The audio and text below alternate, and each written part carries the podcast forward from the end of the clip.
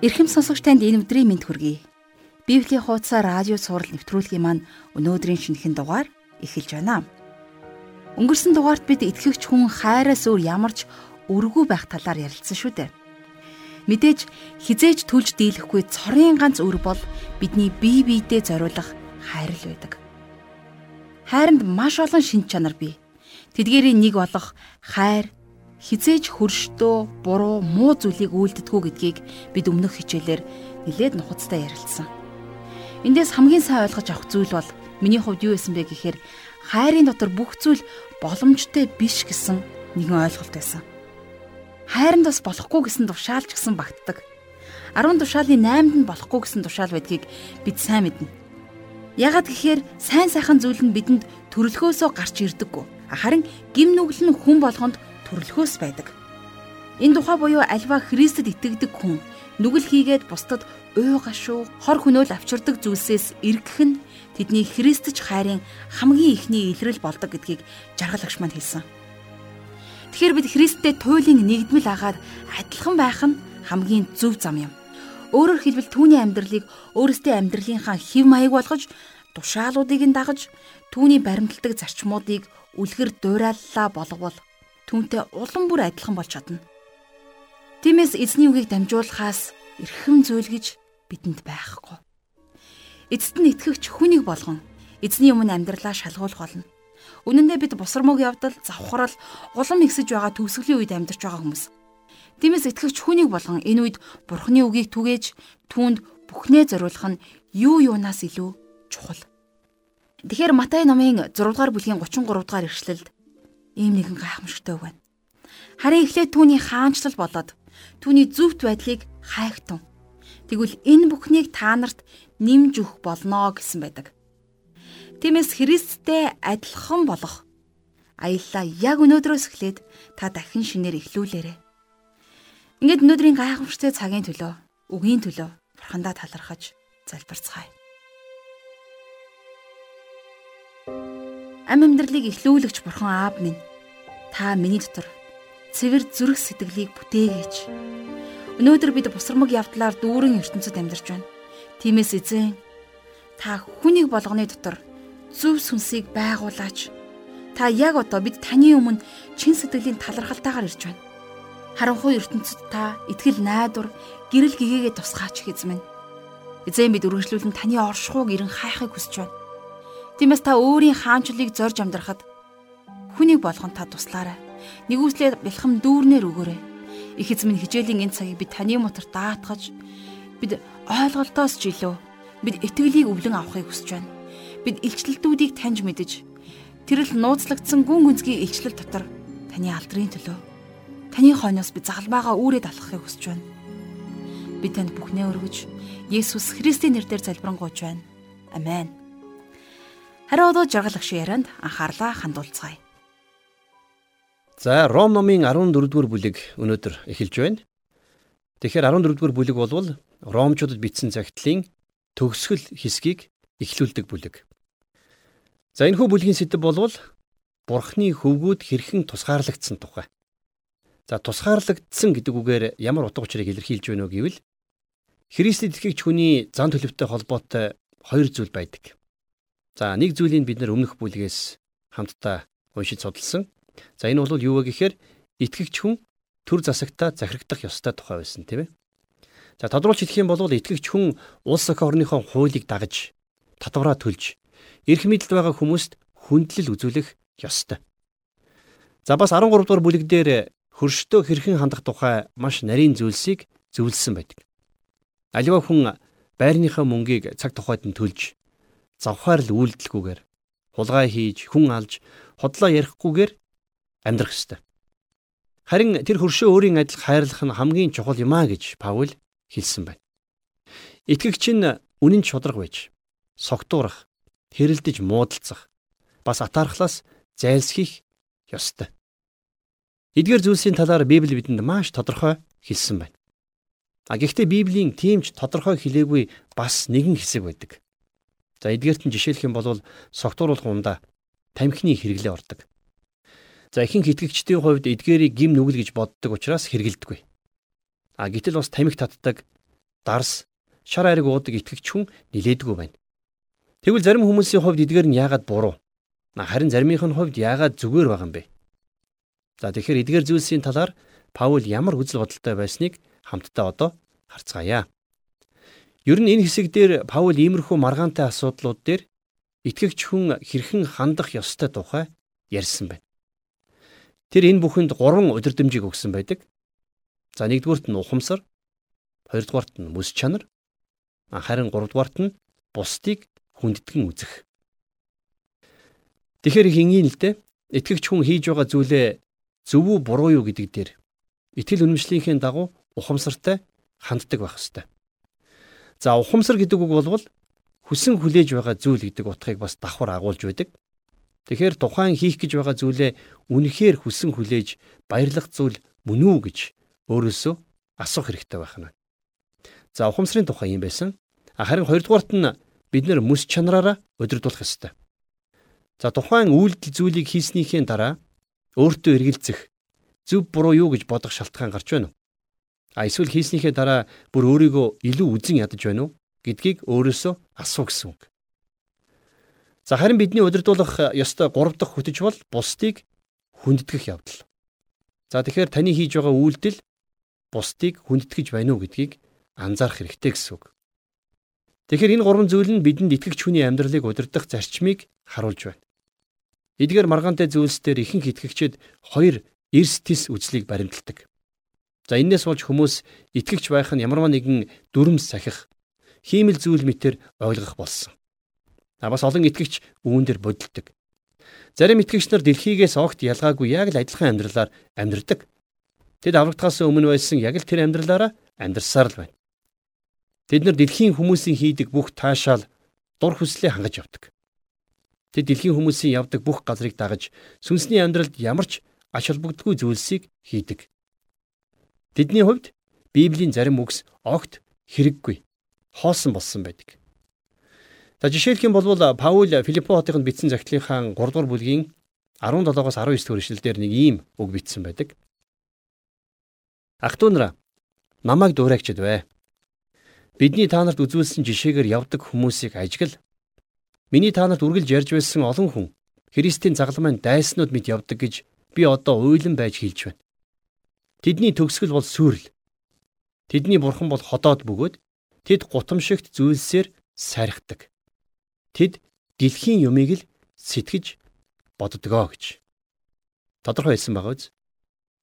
Гэхдээ дэлхийн зүйлсэд оролцдоггүй хэрнээ дэлхийгээс ялгахдахгүй итгэгчид ч гэсэн бас байдаг. За тийм хүмүүс өөрсдийгөө маш ихэд өргөмжилдэг. Тэд нар хизээж согтож тамхи татахгүй боловч хитрүүлэн иддэг. За тэгээд тэд нар бас дээрэс нь хитрүүлэн ярьдаг хов живчнэр болсон байдаг. Тийм учраас тэдний ярьж байгаа үгэнд итгэхэд ч хэцүү байна. За яг энэ тухай Паулийн үгнээс дахин иш татах юм бол Филиппо номын 4-р бүлгийн 8 дугаар эшлэлдэр эцэст нь ах トゥ нараа юу нь үнэн юу нь хүндэтгэлтэй юу нь зөв, юу нь цэвэр ариун, юу нь сайхан, юу нь сайшаалтай байна. Хэрэг альва сайн үйл байгаа бол хэрэг магтууштай ямарваа нэгэн зүйл байгаа бол тэдгээр юмсыг бодож санацгаа гэж зөвлөсөн байна. Тэгэхээр таны бодлууд эрт орой хизээ нэгэн цагт заавал таны амьдралыг удирдгаа гэдгийг та мэдхүү. Та юу бодож байна? Түүнийг л хийдэг. Олон итгэгчид гим уруу татлага руу унахтаа энэ тухай маш их удаан бодсон байдаг. За тэгвэл дэлхийгээс ялгаагүй амьдарч байгаа итгэгчдийг Паул жинхэнэ итгэгчид мөн үгүй юу гэж асуусан байна. За мөн итгэлийнхэн амьдралыг бас нэгэн өөр туйл руу говьлсон хүмүүс байдаг. За тэд нар итгэгч хүний амьдралыг маш олон болохгүй зүйлсийн жагсаалт болгосон гэж хэлж болно. Тухайлх юм бол Колосан намын 2 дугаар бүлгийн 21 дугаар ишлэлдэр Паул Колосан итгэгч нарт хандаж барьжиж амсаж гар хүрчж болохгүй гэж заадаг хүмүүсээс тэднийг сэрэмжлүүлэн битсэн байдаг. За эдгээр хүмүүс нэгүслэр аврагдаж Мосегийн хуулиас чөлөөлөгдсөнд баярладаг ч гэсэн тэд нэр шууд дахин шинэ хуулийг боловсруулан гаргадаг. Ингэхдээ тэр хууль дүрм нь өмнөхөөсөө хоёр дахин илүү хүнд байдаг. Тэд нар өөрөө өөртөө төвлөрсөн шүүмжлэгч бардам хүмүүс болдог. Тэгэхээр ийм хүмүүсийг Паул итгэлээрээ сул доройчууд гэж нэрлэсэн. Ийм хүмүүс өөрсдийгөө их тусгаарлагдсан ариун хүмүүс гэж боддог. За тэгвэл нэгэн итгэгч эмэгтэй яг ийм загтлыг илгээсэн байна. За би уншия. Би Христэд итгээд 3 жил хагас болж байгаа бөгөөд саяхан яаж итгэж аврагдсан тухайга гайхамшигтай гэрчлэлээр хуваалцсан. Гэхдээ сүүлийн үед би сүнсний хувьд үхмэл байна. Би тамиг татдаггүй, арх уудаггүй, мүрийдээ тоглодгүй боловч аз жаргалгүй байна. Найзууд маань намайг сүүлийн үед их ааш муутай болж байна гэх юм. Би итгэхээс өмнө их зоригтой хүн байлаа. Зорсон зүйлийнхээ төлөө шаргуу ажиллаж тэрнийхэн шагналыг авдаг байсан. Харин одоо энэ бүхэн хинт хэрэгтэй юм бэ гэж би бодож байна. Дэлхий тэртээ тэргүй уламд ордох болно. Тэгэд ганцхан би Есүсийг эрхийг л хүлээж байна гэж бичсэн байна.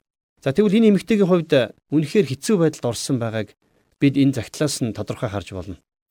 Тэр маш ганцаардсан тусгаарлагдсан хүн байсан боловч үнэндээ ямар ч баяр хөөргөө болсон байна. Тэгэхээр итгэгч та бидний хувьд энэ хоёр туйлын дунд зөв тэнцвэртэй алхах нь чухал. За нэг талаар дэлхий шиг хүсэл тачаалдаа боолжлогдох биш. За бас нөгөөтэйгөр хууль дүрмэнд баригдах ёсгүй. Тэгэхээр эдгээр үзэл бодлын тухай маш удаан тайлбарлсан шалтгаан маань олон итгэгчид яг ийм зүйл дээр бүдэрч за бас энэ дээр төөрч бодилж явдаг учраас юм. За ингээд өнөөдрийнхөө хичээлийн хамгийн эхний ишлэл болох Ром номынхон 14-р бүлгийн 1-р ишлэлийг одоо уншъя. Итгэлээр сул нэгнээ хүлээж ав. Ингэхдээ түүний үзэл бодлынхын талаар бүү заргалт. За. За энэ хэсэг дээр болвол хайрын хууль хэрхэн үйлчилдэг тухай гарч байна. За мэдээж ёс суртахууны хувьд илт буруу зүйлүүд болох хүн алах, завхаарах, хулгай хийх, худлаа ярих болон шунах зэргийг бид өмнөх бүлэг дээр эрс буруу шаасныг үзсэн. Харин одоо энэ бүлэг дээр зөв буруу гэж хэлэхэд маргаантай зүйлсийн хувьд нэг нэгнээ яллан буруутгахаас Паул хатуу сэрэмжлүүлж байна. За энэ дээр итгэлээр сул гэж хэлсэн байгаа биз? За энэ үг болвол Библийн үндсэн мэдлэг, за сайн мэдээний авралын тухайд итгэл сул дорой гэдгийг хэлээг. Харин бие авч явах байдлын тал дээр эргэлзэж тэнэгэлцдэг хүмүүсийг хэлж байгаа. За ийм хүмүүс зарим зүйлс дээр яахаа мэддэггүй тийм ээ. За харин ийм хүмүүсийг гараа дэлгэн тэрэн авах ёстой гэж бичсэн байна. Та хэдийгээр түүнтэй заавал санал нийлэх албагүй ч гэсэн тэр хүн хэрвээ Есүс Христэд итгэдэг бол түүнийг хүлээж аваарай гэж бичсэн байна. Та Бурхныг анх хүлээж авахдаа маргаантай зүйлсийн талаар ярилцахын тулд түүнийг хүлээж аваагүй тийм ээ. За тийм учраас итгэгч хүмүүс бид нар нэг нэгнийхээ эдгээр зүйлсээр шүүх ёсгүй. Библи зарим зүйлсийг тодорхой хороогүй байдаг. За гисэн ч итгэгчид тэдгээр зүйлсээс татгалздаг. За мэдээж энэ бол тэдний хэрэг. А гэхдээ инглигээд бусад итгэгч нартайгаа хагаралдаж болохгүй шүү дээ. Нэгэн Библийн тайлбар тол дээр энийг маш тодорхой бас оновчтой хэлсэн байдаг. Бичээс дээр илт хориглоогүй зүйлс дээр сүм хувь хүний эрх чөлөөний асуудлыг шийдвэрлэх эрхгүй гэж бичсэн байна. За харин одоо үргэлжлүүлээд 14 дугаар бүлгийнхээ 2 дугаар ишлэлийг уншийе. Бүх юмыг идэж болно гэж нэг нь итгэдэг байхад сул нэг нь ургамал ногоо иддэгэ. За энэ ишлэл яахын аргагүй зарим хүмүүст нилээд хүндхэн тусна. Итгэлээр хүчтэй нэг нь бүх зүйлийг иддэг байхад итгэлээр сул нэг нь ногоо иддэгэ гэж бичсэн байна. За би энд Марк номын 7 дугаар бүлгийн 19 дугаар ишлэлийг иш татъя л да. Итгэлээр хүчтэй нэг нь Есүс бүх махыг ариун болгосон гэдгийг мэднэ гэж бичсэн байдаг. За бас Эхлэл номын 9 дугаар бүлгийн 3 дугаар ишлэлдэр Аливаа амьд амьтан та нарын хоол хүнс болно. Би та нарт ургамал ногоог өгсөн шигэ одоо энэ бүхнийг та нарт өгч байна гэж. Бурхан усан галав юулсны дараа бүх махыг идэхээр хүмүүст өгсөн. Харин амьтдыг цэвэр болон бузар гэж Бурхан зөвхөн Израильчуудын хувьд ангилж өгсөн байдаг. За тэгэхээр итгэгч хүний хувьд энэ хууль хамаарахгүй гэдгийг за 1-р Коринт номын 8 дугаар бүлгийн 8 дугаар ишлэлээс харж болно. За энд юу гэж бичсэн байна уу гэхээр харин идэх юм биднийг бурханд аваачихгүй. Бид идлээч дээрдэхгүй, идэггүйч дордохгүй гэж Тэгэхээр Петрийн тухай сургамжийг анх арьсчин Симоны герт Йопа гэдэг хотод байхдаа авсныг та санаж байна уу? За энэ тухай үйл явдал бол Үйлс номын 10 дугаар бүлгийн 9-өөс 16 дугаар ишлүүдээр гардаг. Тэгэхээр Петр хизээч бузар зүйл идэж байгаагүйрээ бахархаж байсан. Харин гítэл ариун сүнс тэрэнд Үйлс номын 10-ын 15 дугаар ишлэлдэр Бурхны ариун болгосон зүйлийг чи бузар гэж дуудахгүй гэж тодорхой хэлсэн байдаг. За тэгвэл Паул ямар санаа зовлтгүйгээр альва махыг иддэг байсан бол Петр тэгж чаддгүй байсан гэсэн үг. За ногоо идэж сурсан итгэлээр сул итгэгч хүний хувьд мах идэх нь мэдээж маш эвгүй санагддаг. Тэгэхээр энэ бүхнийг зөв авч явах зарчим юу вэ? За нэг нь махыг идэж болно, нөгөөх нь идэхгүй байж болно, тийм ээ? За нэг нь бурхны нэгүслэр мах идэхгүй байхад нөгөө нь мөн л нэгүслэр мах идэнэ. За ингээд Паулийн хэлснийг хамтдаа цааш нь үргэлжлүүлэн уншийе. Иддэг нь иддгүүгээ бүү басамжлаг. Иддэггүй нь иддэгэ бүү шүүг. Учир нь бурхан түүнийг хүлээн авсан юм а гэж. За эндээс харах юм бол мах иддгүү болон за бусад байдлаар өөрсдөө хязгаарлаж байгаа нэгнийгээ буруутгаж бас болохгүй нь байна. Хэрвээ тэд нэр ингэж амьдрахаар шийдсэн бол энэ бол тэдний хэрэг. А гэхдээ харамсалтай нь ийм хүмүүс ихэнхдээ бусдыг өөрийнхөө адил болгохыг шаардаж байдаг нь хэцүү байдаг. Нэг нь нөгөөдхөө буруутгах хэрэггүй. Тэгэхээр та мах идэхгүй байхаар шийдсэн бол түгээрээ л бай. Нь зөвхөн мах идэхээс гадна бусад бүх хязгаарлалтууд ч хамаарна. Харин та идэж болно гэж бодож байгаа бол өөрийгөө буруутгалгүй эрх чөлөөтэй л бай. За дөрөвдүгээр ишлэлийг үргэлжлүүлэн харъя. Бусдын гэрийн зарцыг шүүгч та хэн бэ? Тэр өөрийн эзний өмнө зогсдог, эсвэл ундаг. Эзэн түүнийг босгох чадaltaй учраас тэр зогсох болно. За энэ бол их хүчтэй үг. Юу вэ гэхлээр бусдын гэрийн зарцыг шүүгч та хинбэ гэж Паул асууж байна. Тэгэхээр итгэгч та хин нэгний хувийн асуудал эрх чөлөөг шүүх ямар эрхтэй юм бэ? Та бурхан юм уу? Тэр хүн таны өмнө буруутай юу? За тэгвэл яг энэ асуудлын талаар Паул хэлэхдээ Тэр хүн таны өмнө ямар нэг хариуцлагагүй. Тэр бурхны өмнө хариуцлагатай. Тэр өөрийнхөө эзний өмнө зогсноо гэж тодорхой бичсэн байна. Тийм учраас та бусдын гэрт зочноор очиод эхнэрийн эсвэл хүүхдүүдийг нь загнах, зэмлэх эрхгүй. Хэрвээ тэгэх юм бол та нэлээд эвгүй байдалд орно. Та бид нар бүгдээрээ хийсэн үйлдэлүүдийн хариуцлагыг эзний өмнө нэгэн цагт хүлээх болно. За тийм учраас бид нар бусдыг шүүх биш. Харин дор бүрнээ өөрсдийгөө хичээх хэрэгтэй.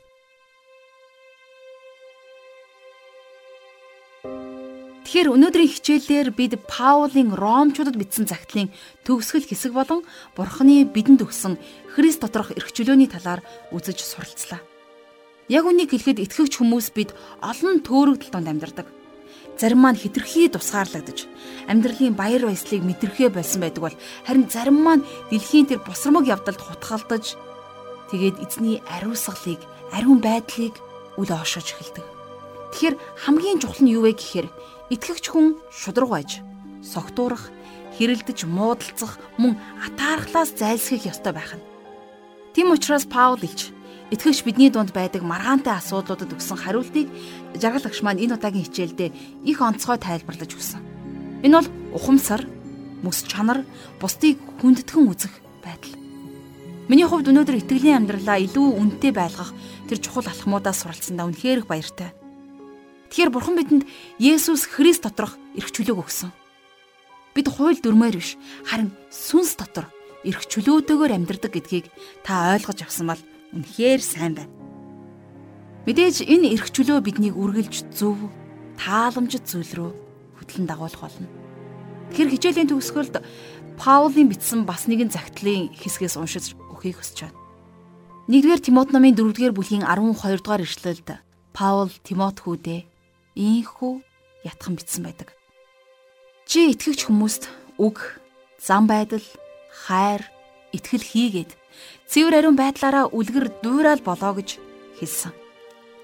Тэгвэл яг одоо энэ үгээр би таныг урамшуулж байна. Та итгэвч хүмүүст үг, зам байдал, хайр, итгэл мөн цэвэр ариун байдлаараа үлгэр дуураал болоорой. Тэгэхээр өнөөдрийн бидний үздсэн Ром номын 14-р бүлгийн эхний дөрвөн ишлэлээр судлан суралцсан Библийн хуудасаар нэвтрүүлгийн маань өнөөдрийн дугаар ийхүү өндөрлөж байна. Харин та сурсан зүйлийнхаа төлөө Бурхны өмнө талархаж хамтдаа залбирцгаая. Бүхнээс дээгүүр оршигч Бурхан Аав минь онцгойлон таньда энэ гайхамшигтай цагийн төлөө бид талархан залбирч байна. Бидний дунд таны хайранд ирсэн хэрнээ бас эрх чөлөөгөө мэдэрдгүү олон хүмүүс байна. Тэгвэл эзэн минь ээ та өнөөдрийн үгээрээ дамжуулан тэднийг боолчлоос нь чөлөөлж дэлхийн алив бузар муу үйл явдлуудаас та өөрийн хөвгүү тогтуудаа хамгаалаач гэж би танаас залбирэн гуйж байна. Бурхан аав минь бид өөрсдийн ам амьдралаар таныг алдаршуулан магтахыг хүсэж байна. Бид танд бүхнээ өргөж Есүс Христийн нэрээр залбирэн гуйж байна. Амен.